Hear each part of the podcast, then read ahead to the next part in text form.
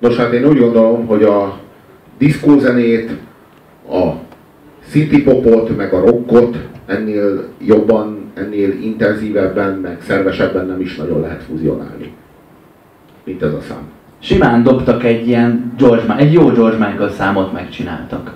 Vagy mondjuk a... Ö, vagy mondjuk, ha azt veszed... Jimmy, Jimmy Somerville számot megcsináltak. Akár. Igen. Ö, vagy, de ez elmenne egy... De, de a gitárszóló nélkül, tehát a gitárszóló nélkül, tehát hogy a, a egy Már majdnem teljesen egy, igen, igen, egy Depeche Mode szám, az sosem ennyire rokkos. Igen. Tehát, hogy itt, itt, itt, azért, itt azért felismerhető, tehát így vannak szakaszai a számnak, amikor rász, rámondod azt, hogy á, ez teljesen ez, a lófasz.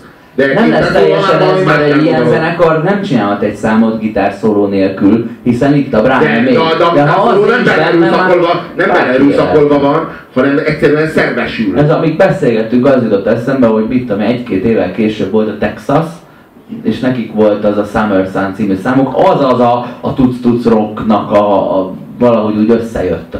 De hogy lebuktunk, vagy lebuktál, hogy az összes rockzenekartól, amit kiemeltünk, hogy de ez, na ez, ez kurva jó szám, az mind tudsz tudsz alapra ment.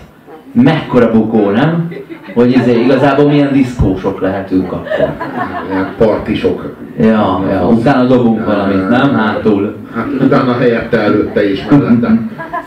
Közben, illetve Freddy örökké él, ez nyilván a Made in Heaven című lemeznek a borítója. A fasz. Ezt heteróként mondom. Vannak, vannak olyanok, akik tényleg osmányul áll, de ő, ő az, akire azt lehet mondani, hogy mégis van benne valami, valami mocsóság. Tehát, hogy így igazából eleinte nem, amikor még ilyen ki, kiálló kapafoga volt, és nem volt meg a bajusz, de a bajusz az már tekintélyt parancsol. A bajusz az a, a kiállófognak olyan, mint a, a spoiler a kocsin, hogy nem változtatok az eredeti formán, csak ráteszek valamit.